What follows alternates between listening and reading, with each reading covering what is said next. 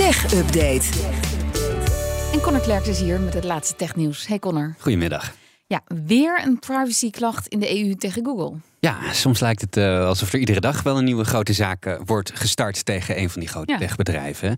Deze week, uh, of deze keer, komt hij weer van een toch wel bekende naam in dit circuit. Max Schrems, dat is een Oostenrijkse advocaat, een privacyactivist. Die heeft eerder onder meer een grote zaak aangespannen en gewonnen tegen Facebook. Dat ging toen om het versturen van Europese data naar de Ja, Verenigde. Staten. Ja. Zeker.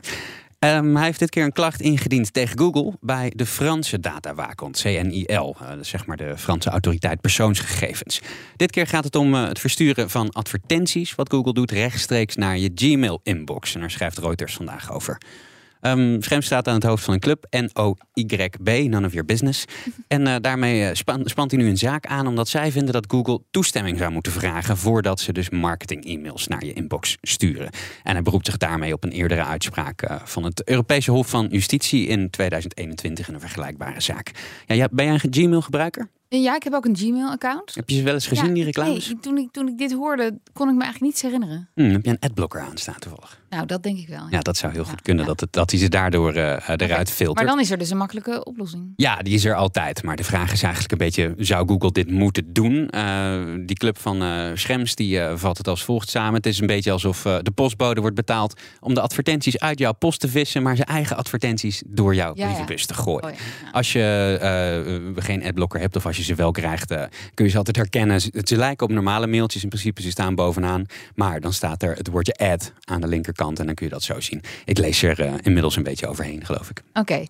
Nou, uh, Schrems die zit in Wenen en zijn club ook. Maar waarom stapt hij, stapt hij dan naar de Franse datatoezichthouder? Ja, zij zeggen zelf dat ze dat doen omdat die Franse toezichthouder nogal fel uitgesproken is tegen grote techbedrijven. En we hebben dat ook gezien. Bijvoorbeeld eerder dit jaar legden ze een recordboete van 150 miljoen euro op aan Google.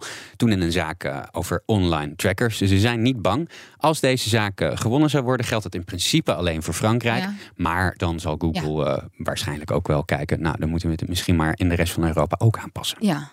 En dan een nieuwe dag, een nieuwe opmerkelijke uitspraak van Elon Musk. En dit keer over het rijhulpsysteem van Tesla. Ja, ja klanten die dat uh, nieuwe rijhulpsysteem uitproberen, ik had het er maandag met je over, die moeten niet klagen dat het niet goed werkt. Ondanks het feit dat Tesla er de komende weken 15.000 dollar voor wil vragen. Een ontevreden gebruiker had op Twitter een filmpje geüpload waaruit blijkt dat sommige basisfuncties, uh, zoals rechts afslaan, niet zo goed werken. Maar volgens Musk moet je, en dan citeer ik even, niet vragen om op te worden genomen in vroege beta-versies en dan klagen Ah. dat het niet goed werkt.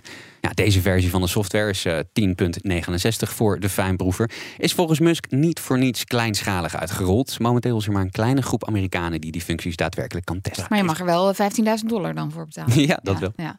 En dan een opmerkelijke storing bij Facebook. Ja, het was uh, gekkenhuis op de tijdlijn van je oom en tante vandaag.